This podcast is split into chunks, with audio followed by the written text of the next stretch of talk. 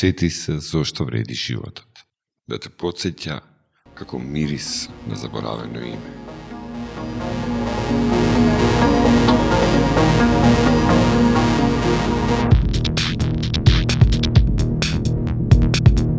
Само нежно кон себе.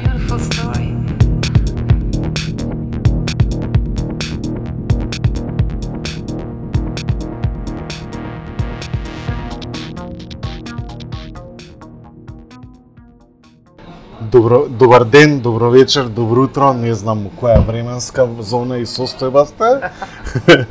добро дојдовте во 85-та епизода на Celebrate Life подкаст во петата сезона. Денеска со мене ја имаме нашата диско дива, комплетно можам да те кажам диско дива, затоа што си реално Фала тоа, тоа е тоа. Музиката што ја пушташ и што ја пренесуваш и све. Јулијана Милутиновиќ, радиоводителка, диџејка, антрополог на музиката низ времето, една многу интересна појава на македонската радио и диџејска сцена пред се, затоа што го прави више тоа поише 20 години, 30. 30 години. Ова е 30. Ова е 30, се извинувам, као, лета време. Да. Као ке мене уште е фазата кога прв пат слушнав Groove Relation и таму ми е останато, као гледаш да, да, да. си помина време. Джул, здраво. Здраво. Добро дојде. Добро те најдов и многу сум среќна што сум гостинка кај тебе во подкаст. Ти благодарам и драго ми е што заемно чувството. Моментално си во Скопје, Family and Friends, Family and Geeks, Family and Enjoyment, кафиња, журки, пуштање музика и све. Како си пројде пред се за празници во Скопје? А да, и заборавме да им честитаме нова година. Среќна нова да. година на сите На слушатели. сите слушатели. На сите слушатели оваа година да бидеме поумни сите ние. А, свеста да ни порасне малку повеќе, Може. ако може, Ако да може. се потрудиме малку со повеќе свест. Здравјето пред се да си го чуваме, па после се друго ќе се дојде. Да. Радиото е еден прекрасен медиум кој што јас се уште верувам у радио без разлика колку и да ерата да сите мислат дека има подкаст и Јас се уште слушам радио. Се уште слушам репризи на радио, ми се свига медиумот радио. Што представува Джул за тебе радио и од кај оваа љубов за да трае толку многу години кон радиото и продуцирање се уште на емисии.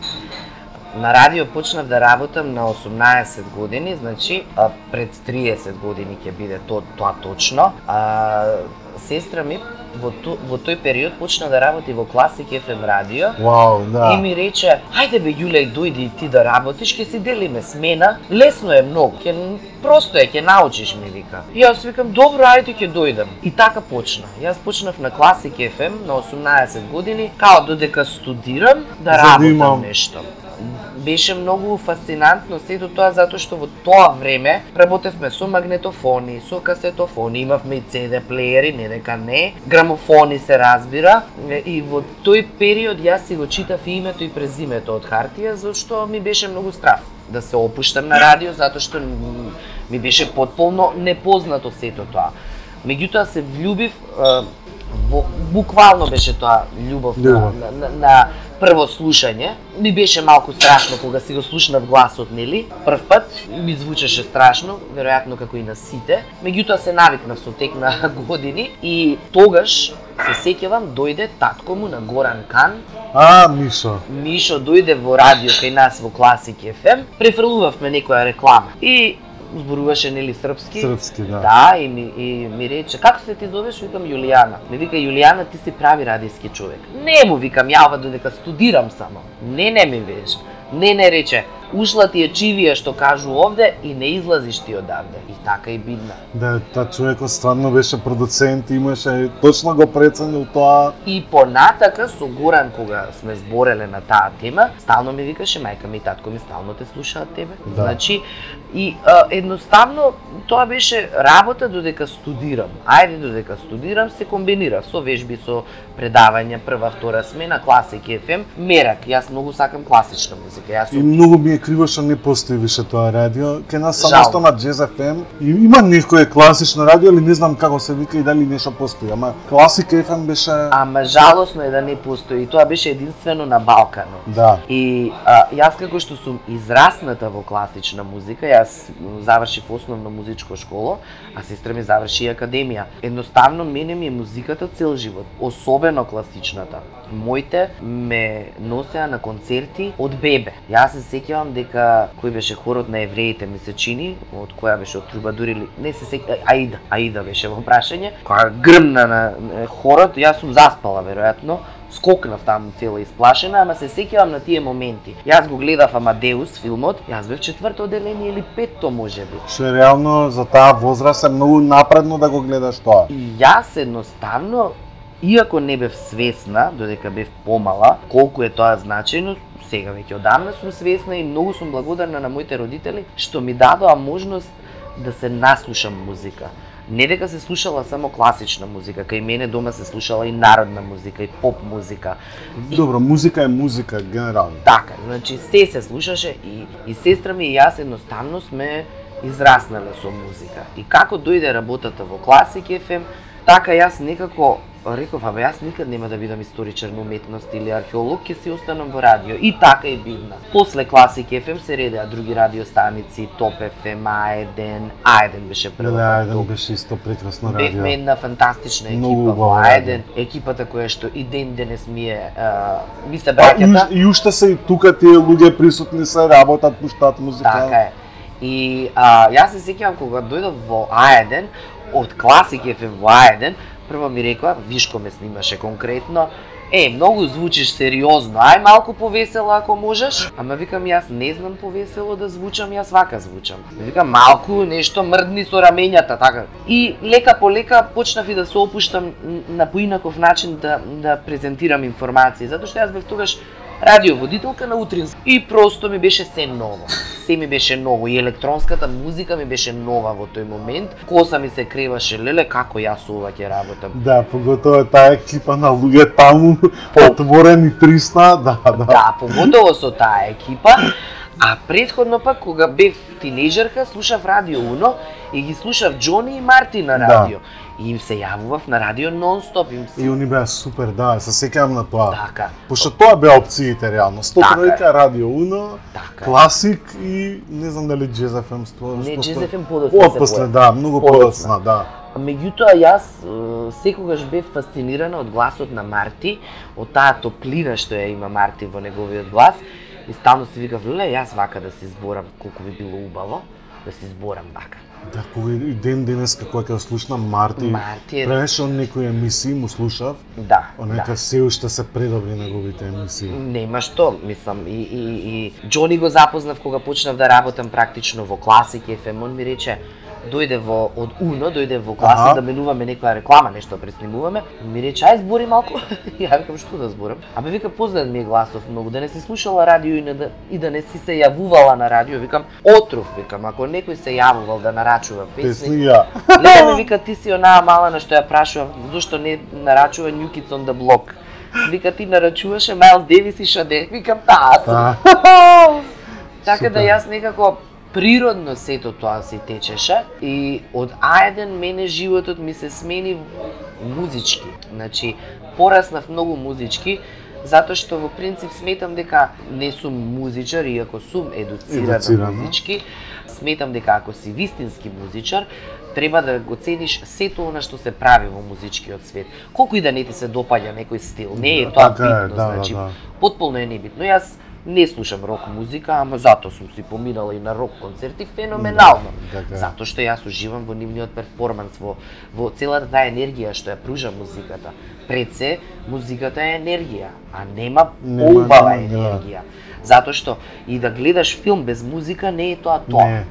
Дури нели убинатото цели оркестри собирале да снимаат филмска музика и музика да цртани, мислам тоа е пак мислено, правено е со мозок. Мислам Тоа е е дека многу работа. музиката е пред се интелектуална работа Така која што треба многу мозок за да се создаде и да се направи. многу деца млади кои што сега се продуценти некакви, Некакви, си, не да. е ни битно, ме прашуваат зошто јас не сум почнала да продуцирам музика. Јас уште не се чувствувам спремна за такво нешто, мислам Со дека после 30 години. Така е. Мислам дека треба многу, многу уште да бидам спремна, уште многу да се наслушам, за да се впуштам во тоа. Не дека јас немам талент, јас сама монтирам емисии, сама правам многу работи што се однесува до продукција на звук. Ама едноставно не се впуштам во тоа затоа што мислам дека не сум дораснала се уште на тоа ниво за да бидам професионалец во од тој аспект. Време е Джулс да отпееш некоја... А отпеав? Да? Отпеав, имав и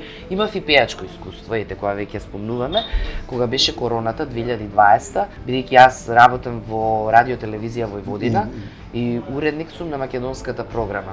Македонската програма сум За јас. вие што не знаете, искорак емисијата, гуглајте во моментот или после под, подкастот. А, тоа е тоа тоа таа емисија ја добив накнадно. А накнадно, аха. Накнадно, значи јас прво почнав а, Со- со македонската емисија која што си постои таму еве веќе леле колку прославив па син ми ќе има 17, си има 17, 18 ќе биде. Во февруари ќе бидат 18 години, значи како јас ја работам емисијата на македонски јазик на радио телевизија Војводина на ра- радио. Самиот концепт на телевизијата и радиото е бидејќи многу А во национални ма- склопе и... Аха. Така е. Има на 16 јазици имаме У, програм. браво. Така да еден од јазиците Балканско BBC. Па така некако му Да. доаѓа. И всушност јас лани сватив дека јас ја основав таа редакција. Лани сватив кога кога а, славев роден ден на емисијата и мој роден ден и роден ден на емисијата, сватив дека јас сум ја основала. Боже, викам, ама ја битна сум била. Супер. И така некако они го виделе моето CV и виделе дека се Дечки, занимавам. ова е патриотизам, да Да. знаете. Е, многу често тоа сакам Квалитетен патриотизам. Ова е тоа што го збориме колку е битно да се прават работи за местото од кај што си и кај што живееш Така и све. И а, и се трудам таа емисија на македонски јазик има исклучиво македонска традиционална музика. О, значи јас. Што е многу неистражено исто област и убава. така е, плюс а, на сето тоа се трудам да промовирам македонска култура пред се. Пред се затоа што мислам дека само со културата и љубовта Можеме да идеме напред. можеме така да идеме напред.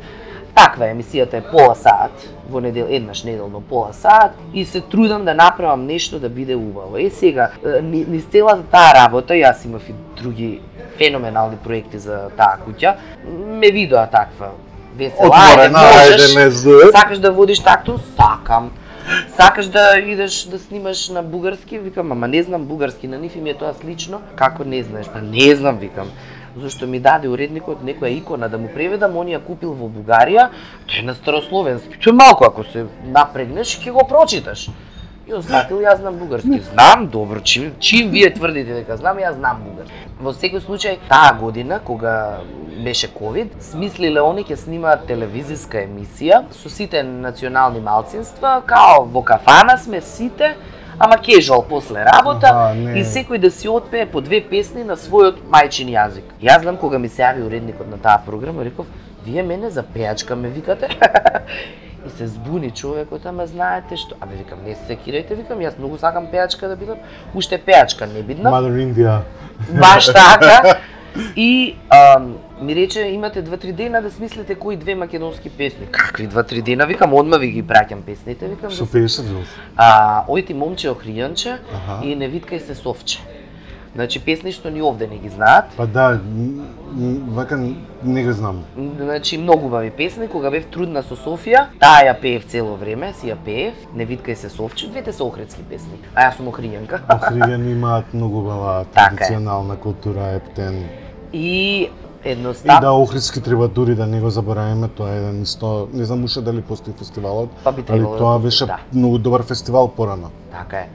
И јас имав искуство во пеење. Им кажав што ќе пеам и во еден момент сватив дека јас се пријавив да пеам, а не знам ни дали знам да пеам. Знам дека имам слух, знам дека имам глас, ама Дикција, дали знам да пеам, појма немам. И се јавив на една пријателка, диригентка и пеачка и музичарка, сестра на е. Викам, Душица, викам, јас се пријавив да пеам на телевизија, викам, кај нас, у РТВ, а не знам дали знам, да дојдам да ме преслушаш, да дојдеш ми, вика. Дојдов и пуштив што сакам да пеам и најде тоналитет и јас сега пеам и она како свири ми вика, ма сви ви бре македонци знаете да певате.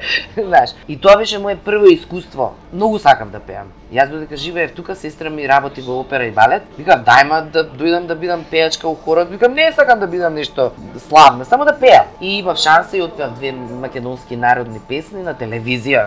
Пр, Да. промоција беше на 31 декември. Молим лепо. Што се однесува до пеачка кариера, I've done that. Да. Али еден хаус албум, А, Мислам дека може да се отпее исто. па сега не знам дали хаус повеќе би Ами сакала нешто или сол или нешто. така, софу, нешто. фанки, тоа би ми Нешто легнало. такво, би да. ми легнало, да. Го спомна Џони, го спомна моментот на хаус музиката и све останато. Groove Relation е една од подобрите, мислам нескромно ќе го кажам ова, една од подобрите и најдобрите емисии што се случиле кај нас изминативе години, поготоа што кога и да се навратиш на било која емисија, секако е surprising. да. Пошто и ти и Джони сте невидени се лектори у тој лаунч и чилаут и джес или smooth джес, више како и да го кажеме. Како, дали бевте свесни дека на луѓето им правите едно поинакво секојдневие со самата музика, со твојот глас, со дикцијата и со све. Дали бевте свесни каква улога имате у нашето општество? Знаеш зашто ова те кажам, те прашувам затоа што која и ние бевме на Клуб FM со Скопје Клабинг сајтот и ти ти сними еден микс за Скопје Клабинг, кој што онака ние го слушавме многу често на автери. Мислам покрај тоа, музиката е добра, ама некако тој микс некако ни беше after hours секогаш. Да. Дали дали имавте, мислам жалосно е што емисијава више не постои, ама има архивата на Mixcloud, дали бевте свесни што правите у нашиот град и у општество или едноставно само дое тоа е како природен процес? Затоа што твојот глас е милозвучен, со музикава добро се надополнува, Па не знам Плански ли беше или само онака оставите Не. да се случи да Никако не беше во план, ништо не беше во план. Во план беше да направиме убава емисија. Во план беше да промовираме музика која што не се слуша често мислам дека и уште не се слуша и уште често. не се слуша. Џони е доктор по музика, нема што тука, Џони е мој учител. Фантастичен диџеј и фантастичен диџеј, продуцент и многу еден емотивен човек. Нас ние двајцата сме емотивни и така некако сме врзани. Тоа сте се Да, поврзани. и многу сме поврзани на, на тој начин и со Џони едноставно решивме да правиме нешто убаво. И јас се сеќавам кога требаше да дадеме име на емисијата, му реков на Бебо, Бебо, дај крсти ни емисијата, Бебо Groove Relation за вас двајца, како да се вика. И така и бидна. Поздрав да лонгборд Ристевски. Едноставно почнавме непланирано како тоа ќе тече, што ќе тече. Ни ги менуваа термините, прво од 4 до 6, па од 5 до 7, па, па Од 10. до- Некако за, да- за не знам ни бараа место за соодветно на, на во терминот радиски за да луѓето го слушаат тоа или што знам веќе как бизнес Да. плановите не ги знам. Јас знам дека ние тоа со многу љубов го работев. Дека во нашата емисија, во секоја емисија можеше да чуеш некое промо издание, значи Пред и се- Џони е фанатик и јас сум фанатик за музика. Значи се двајцата сме слушале многу музика и се уште слушаме. Имав среќа да една продуцентка од РТВ од кај мене ме праша за као дали сакаш ми вика да со твојата македонска емисија од доле да идете во Милано на фестивал и да водите емисија од таму. Како не ќе викам, боже господе, какво прашање. Groove Relation е единствената емисија, значи, која што одеше во живо од Милано. И тоа беше исто едно искуство, нашата кабина ќе ја наречам, затоа што беше лудило од фестивал, беше до Радио Монте Карло. Вау. А на Радио Тоа е- Монте Карло во исто време кои Ник the Night Flight, кој што му е Да. идол на Џони. Значи, беше Што попрво? фено- е, буквално беше феноменално, заради тоа што Џони е еден човек кој што има многу знаење, многу знаење, музичко знаење и а, јас кога ќе му кажам за некоја песна, а ја имам ми вика таа, Джони, а еднаш ја да те изненадам, Знаеш, секогаш бил, бил тој муавет. Во принцип, имав идеја дека нашата емисија треба да биде едукативна. Баш заради тоа што таа музика што ние ја негувавме во таа емисија и генерално што ја негуваме и низ нашите сетови е не е ретка. Само кај нас е културата поинаква. Ние Да. сакаме повеќе да е ау ау пампинг малку и луѓето не се свесни дека тој вокал хаус кој што ние го негуваме воопшто вокали, соулфул, фанки, диско, дека тоа е мно, многу љубов пренесува и на публиката. Во принцип, не сме ние толку битни колку е публиката, каква енергија ти враќаат назад. Што ќе и дадеш, така ќе ти врати? и Да. тоа го, го гледам и низ сетовите кога сега кога бев во 12 12 со Вишко, знам Бобо ми рече, абе вика како почна ти да пушташ, он ме праша, абе Јулче ова се препознава. Сосека, значи да. се препознава тој мој стил кој што е многу сличен со стилот на Џони и едноставно низ Groove Relation ние свативме многу подоцна. И ние имаме фидбек од секакви луѓе. Да, па Колку да, е тоа да, да. добро, како тоа звучи.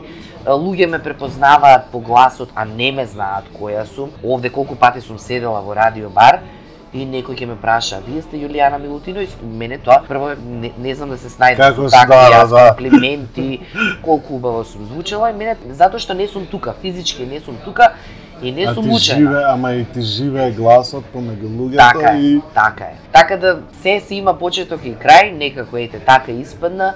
Меѓутоа точно 21 година 21 а, година. Groove Relation Знам стана дека многу тешко некако ја примивме таа информација, али архивата е таму, Така е. вие уште работите, Така е. така И, да. и едноставно некако така се одлучивме да баш по сите параметри биде полнолетна таа емисија и да го завршиме Да, да. тој циклус, да го пуштиме грув да порасне и да биде е, Нешто. Да ви остане убав спомен и архива. Така е. Моментално ја работиш емисијата Искорак, која Да. што оди еднаш месечно, Еднаш неделно. еднаш неделно се извинувам, иде на РТС, На РТВ. на РТВ, да. Да. Исто, малтене музиката е горе долу иста, само што го нема Џони. Да. Тука си автор и све, објаснуваш за целата музика, од кај, што, како иде. Мислам, не е дека си престанала да правиш радио емисија, вие постои уште, само што Да, само во се вика искорак. се вика Искорак. Овој пат сум јас комплетен автор и продуцент на емисијата. Ми беше страв да го почнам сето Мгм. тоа, ми беше не само заради јазикот, туку заради тоа како јас сега и музика и се, мислам, едноставно овде бевме поделени. Џони си е човекот за музика, Музика, нема што јас јас да се јас сум водителот. Меѓутоа се испостави дека сум можела, односно смислив дека што ќе правам, па ќе си снимам јас еден сет и како ќе ме води сетот, така Така и ќе. програмата ќе ја терам. И така испадна. 6 години веќе оди таа емисија. Многу сум среќна и благодарна што имам шанса ете како некој нови се водам да речеме како автор новинар. Јас не сакам никако да се дефинирам, никако автор, никако водител, никако диџеј. Само сум на радио. Само сум на радио, тоа што ми е ми беше предизвик јас се до тоа сама да го направам. Сама комплетно. Беше страшно на почетокот, страшно заради јазикот пред се. Мислев дека не сум доволно добра со српскиот јазик, се испостави дека сум супер, затоа што во Војводина, па таму никој не не не зборува е, српски чисто. по вуку што би рекле или значи таму и да и акцентираш погрешно е во ред, затоа што си во Војводина. Така да искорек ми е ете, мое само бебе да речам, затоа што Groove Relation беше бебе на Џони и на Јулијана. А ова е само мое и горда сум и на тоа затоа што повторно е нешто што не се слуша. Не можеш да најдеш таква емисија на FM Да, да, скалата. да, така е. Дури и планирам понатака, здравје Боже, подкаст да проширам, значи искорак во форма на подкаст. Меѓутоа, супер, да. Меѓутоа ќе биде повторно врзано со емисијата, која што е на радио, а ќе биде малку нешто изменето. Супер, одлично. Да, да. Джулс, ти си исто диджејка, која доаѓаш од Скопје, има частовки диджеј сетови. Дали како жена диджеј некогаш си се осетила поинаку помеѓу колегите и како ти се допаѓа моментов фокусов што последниве 10 години има фокус на диджејки? Пошто прилично беше boys club Да. свет. Како ти се свиѓа оваа промена каде што сега диджејкиве се многу побрени од, од диджејиве? Па ми се свиѓа тоа што девојчињата се опуштија Да, да разберат дека не е тоа никаква, Никаква научна фантастика club, и дека не е тоа резервирано за мажи, туку музиката е љубов и дека секој од нас може да се занимава со таа љубов. Јас лично исклучиво љубов чувствувам од колегите и можам да кажам дека сум привилегирана, односно секогаш бев ако привилегирана. супер е тоа. Заради тоа што јас сум размазеното девојче, секогаш тоа го кажувам, Јас сакам се да ми е наместено, ако може да има тонец тука за да не дај Боже нешто се случи. И секогаш биле екипата а, тука да ме спасат во моментот ако нешто не оди. Значи, јас стварно се чувствувам при, привилегирана меѓу тие мажи во тој свет затоа што знам колку ме сакаат и ме ценат како колешка пред се, другарка и најубаво од се ми е што секогаш они се прилагодуваат на мене, а јас не морам да ми Браво. Браво. Тамно е, нема убаво е што многу млади девојчиња почнаа да се занимаваат со Да. тоа. Ќе ми биде драго ако сите тие генерации што доаѓа дигери се посветат многу повеќе пред се на слушање музика, за да можат да се најдат во сето тоа што значи диџеинг, затоа што ние сите низ годините сме се барале некаде. Некаде, да. едноставно ти се свиѓало и ова, ти се свиѓало и она, па пушти се. Не е проблем еден, еден таков сет да си имаш. Меѓутоа, кога ќе се профилираш веќе некаде, сега, на пример, кога ќе ме прашаат мене, ама што пушташ ти? Јас не знам што да кажам и најлесно ми е да кажам јас сум soulful DJ. Најлесно ми е да кажам затоа што да, без ама ти пушташ све уствари. кога ќе видиш Да, кај мене може се Све, да се и джез, и хаус, и диско, и фанк, све Значи има. се што е во, во, во, во, во тој склоп на хаус музика ќе кажам. Да. Затоа што тука има фанк, тука има сол, тука има джез, а, тука има диско, се е тоа заедно хаус кога ќе видиш и некако еклектично ми одат сетовите и по по по чувство ги ги, ги, Да. ги водам, како Супер. да кажам. Немам јас одредено што ќе пуштам вечерва. Јас Да. едноставно ја гледам публиката и како јас се да, осеќам. тоа, тоа ми е исто фасцинантно. Дали осекаш разлика помеѓу радио и публика, пошто вака ги гледаш, а помеѓу на радио им даваш пак друга енергија. Како дали има некоја Има. посебен шмек има, нели? Има. Ја мислам исто тоа. Има. Ја го осекам тоа. Затоа што на радио луѓето те слушаат, не те гледаат. Да. Немаат представа за тебе, што ти правиш, како правиш и едноставно си замислуваат како што јас сум си замислувала тој глас, па каков ли е тој лик и кој знае што сум си правила филм во главата, исто кои луѓето што не слушаат на Да, радио. на радио. Е сега, друго е кога сме тета тет, па се гледаме, па живели ќе ти направи некој, па ќе дојде, па баци рака и тоа ми се случувало. Просто е енергијата поинаква, знаеш. Друго е кога си, си ја менуваме енергијата Да, да, едни да. со други. Супер.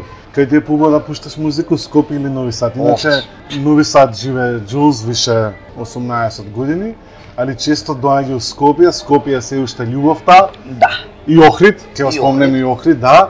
Кај ти е боле кога пушташ музика, пошто и новосаđани се исто а бит пеки, имаат и они убава исто сцена, Различно. различно многу. Дефинитивно Скопје. Македонија воопшто. Публиката во Нови Сад е новосадска. Новосадска во превод значи многу уштоглена, многу стегната. Не знам дали се плашат да покажат дека им е убаво или тоа е некој тренд. Не зборам само за а, електронска музика, воопшто зборам. Значи, таму и на концерти сум одела, само јас сум таа што скока. Не сум само јас, ама, Ама така, точно се гледа дека не сум нивна. Дефинитивно Македонија. Знаеш, сум зборела и со многу колеги од горе, сите имаат го имаат тој став дека македонската публика е најблагодарната публика за работа. Затоа што македонската публика чувствува. Рамбо Амадеус кога гостуваше лани, ми се чини со филхармонија, Арно рече дека оваа земја треба да се вика Република Музичка Македонија. Да, не бев на некој концерт. Јас не бев, меѓутоа да. слушнав, гледав и да, види, кога ќе видиш колку многу артисти дошле тука, Значи, као за мала земја, колку диџеи, што све, Джеймс Браун сме го гледали у Скопје, Такаде. Чик Кореа, Шоуша, Што се не сме да, гледале, така секакви е, артисти. така е, така е. Дошле тука стварно, да, смилеле среќа да фатиме пуно ствари. Мгм. Вега, пошто си гледам многу концерти, имаш нешто што ти е меморабл останато Уф, Снарки Папи. Снарки пап? Оу, Снарки Папи е one of a kind experience. Значи, не, јас подобро нешто на сцена не сум гледала. Таква една енергија, толку многу луѓе на сцена, а функционираат како еден. Не постои така добро нешто, јас ги имам гледано два пати, тоа со Марти, двата пати ги гледавме заедно во Белград. За мене најдобар бенд на денешнината, затоа што се толку моќни, толку филмски, толку секакви. Не, не, нема дефиниција за таа музика пред се, меѓутоа енергија што ја пружаат, што ја дава комплетно настапот е one of a kind. Супер, одлично. А у моментов нешто ти му оставено впечаток? Мислам, дам дека е откачено прашање, пошто многу музика слушаш. Што ти фати внимание? Нешто што последно, значи, многу ме бендиса, бе- е новиот албум на Joy Negro или Мгм. Dave Lee или AC Soul Symphony сега. Metamorphosis се вика албумот и е комплетно диско албум, значи излезе пред месец и пол два. За мене најубав албум во последниве XY години, затоа што е комплетно една симфонија од музика. Симфонија, мислам, Баш као е, комплетно продукција, аранжмани, вокали, те враќа во најубав период од диско продукцијата, а сосема е модерно. И на сите го препорачувам, ќе се провери ова да. не е битно дали сакаш таква музика или не кеш. Албумот е ремек дело, ремек дело. А, тоа е баш го открив, го открив, знаев дека беше во најава дека ќе се појави и сингловите прво првите два ги пуштив во емисија, после го најдов албумот го купив. А, на сите го поделив. Слушајте, за мене музиката е да се дели, Така е. а не да се чува. Апсолутно. И а, тоа е за мене најдобриот албум што го имам слушнато во последниве неколку години. Супер.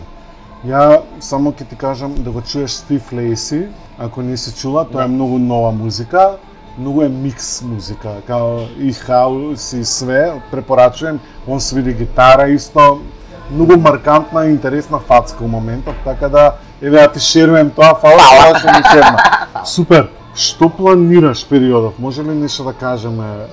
Какви се плановите? Пошто дали стварно овој муавет со хаус или со било што пеењево ќе се случи или не? А, Пошто знаеш ова зашто те прашувам, ти многу ја сакаш Индија, ја пушташ во секоја емисија, горе доле, мислам Луи Вега го сакаме, тоа е Masters at Work, тоа е наша Да. за секојаш љубов. Дали нешто сте измислува затоа што имаш предобра дикција, многу не знам, никога радиофоничен и све глас. Знаеш нешто? како, никогаш не ги планирам работите. Јас сум од тие што не планираат. Барем не во смисол ќе го направам тоа и тоа. Таа желба си стои, чекам да се созрее се во мене, за да се посветам на тоа. Сега планирам нова опрема да купам, па малку да се посветам и на На- продукција, да, затоа што супер. Јас во РТВ сум и ем, хост на најдобриот фестивал за звук во Европа, ако не и во свет, се вика Тактонс. Радио Нови Сад го организира. Вау, браво. И таму Кај се случува? Во Радио Нови Сад. Значи, Вау. секои две години доаѓаат тонци од околните држави, од И колку е добро. И се слушаат снимки нивни, значи они што работеле. Мали оркестри, големи оркестри, народна музика, класична музика, ваква, онаква и Колку е добро. и тоа е такмичење на најдобро е, селектирани не не од музички аспект, од аспект на звук. Тоа ми е нешто што ми е исто така посебно, затоа што е невообичаено, не е тоа комерцијален фестивал за да се знае. колку е добро, а не сум знаел дека Да, постои. Браво. да. И А е, отворен е Отворен е, Отвор- може да доаѓаат луѓе, си доаѓаат затоа што има и има и е, оној е, не е само фестивалски дел, него има и саенски дел, значи со изложба ба? на нови технологии, фирми кои што си се рекламираат, кои што си се спонзори на самиот ивент. Тоа е обично последна недела од октомври или прва од ноември. Трае 4 дена, такмичарски денови и јас имав среќа да ме прашаат мала, јел хочеш ти тоа да радиш? Наравно. Јас сум во Билтенот и новинар и отварам, затварам фестивал. Шува. Многу интересно затоа што има многу работи да се научи. Па да. И е, работилници секакви и се трудам да стигнам на се што ми е интересно и тоа е тоа што го зборам да созреам, се посети, знаеш, пошто да си созреам и за тоа па да почнам да се занимавам и со некаква Супер. продукција понатака здравје. што ќе им пренесеме на младите генерации, пошто ова го слушаат прилично млади луѓе. Се надевам дека ќе ги инспирираме да почнат да прават нешто. Па ќе им пренесеш као човек што е 30 години на радио и кој што се бави со музика и живее со музиката. вака сега. Ако Ова може би звучи лайф коучерски, ама не е така. Дефинитивно, дефинитивно chase your dream е live your dream. Нема да ги бркаме со ништата затоа што никој од нас никога бил млад или бар ретки се тие кои што знаат што сакат да Што бидат. сака, да. Јас не знаев дека тоа сакам да бидам, не, не сум ни планирала да бидам. Јас сакав само некаква уметност, Боже Господе. За во меѓувреме нели да студирам историја на уметност, а после да завршам и продукција на звук таму, менеджмент во медиуми, значи потполно едноставно животот те води. Јас би им рекла на младите дека она што е битно е да бидат свесни, да бидат многу свесни и отворени за се што е ново, да не бидат задрти во своите идеи и да мислат дека они е, добро, тоа е тоа се Убаво е да мислам дека светот почнува од нив, ама Така е, да. ама не. Ама искуството се стекнува со Така е, со годините, години. како и мудроста. Јас на 18 и сега на 48, дефинитивно Истата сум, само што сум созреала Upgrade. и едноставно сваќам дека моите ставови можеби не се сменети, меѓутоа перцепцијата како сега тој став го бранам е многу поинаква. Ми им препорачала да а, го живеат секој момент, значи да не дозволат животот да им бега пред очи, се што може да направат, да направат, се што е убаво за нив, За нив. за нив пред се, затоа што никој фала утре нема да ти каже од што си бил послушен, добар, ваков, онаков. Значи, уживај во секој момент, затоа што животот од онаа страна не дели, е, што викаме ние во јога, удах издах. Еден Да. издах не дели од оној свет там. И да живееме, да живеете со полн капацитет. И да не заборавате да дишете. Така е, најбитното. Најбитното. И медитација и јога да дишете. Така е, така е. Супер. Фала многу Джулс, се надевам дека ќе им се допадне оваа епизода. Заследете ја Джулс кај што кај што има на интернет, слушате ги емисиите, слушате музика Аман. Уживајте у, у тоа што ви е понудено и останете во добро расположение, внимавајте на себе, на луѓето околу себе, зезнати времиња и се слушаме некоја наредна епизода. Ова беше 85-та епизода во сезона 5 на Celebrate Life Podcast. Јас сум Индок, со мене денес беше Јуријана Милутиновиќ, радио продуцент, диџеј, водител, селектор, а може би во еднина и Пеачка. хаус пеачка. Джулс, фала ти многу. Фала ти на тебе и а, да продолжиш со ова што го правиш затоа што е многу добро. Ти ме праша дали сум слушнала, да, слушав, меѓутоа не можам јас со, Не можеш, со да, броеви добро тоа. имаше своји Да. работи што и треба. мислам дека правиш одлична работа. Ти благодарам. Да продолжиш да те слушаат млади, затоа што младите треба да слушнат дека и ние постарите знаеме нешто. Апсолутно. Они нека мислат дека светот почине од нив, али ние слушат тука. така е, така е. Бидете добри. Чао. Чао, чао и од мене.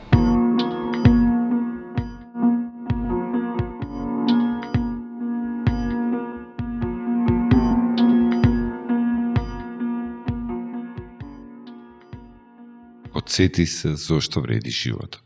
Да те подсеќа како мирис на заборавено име.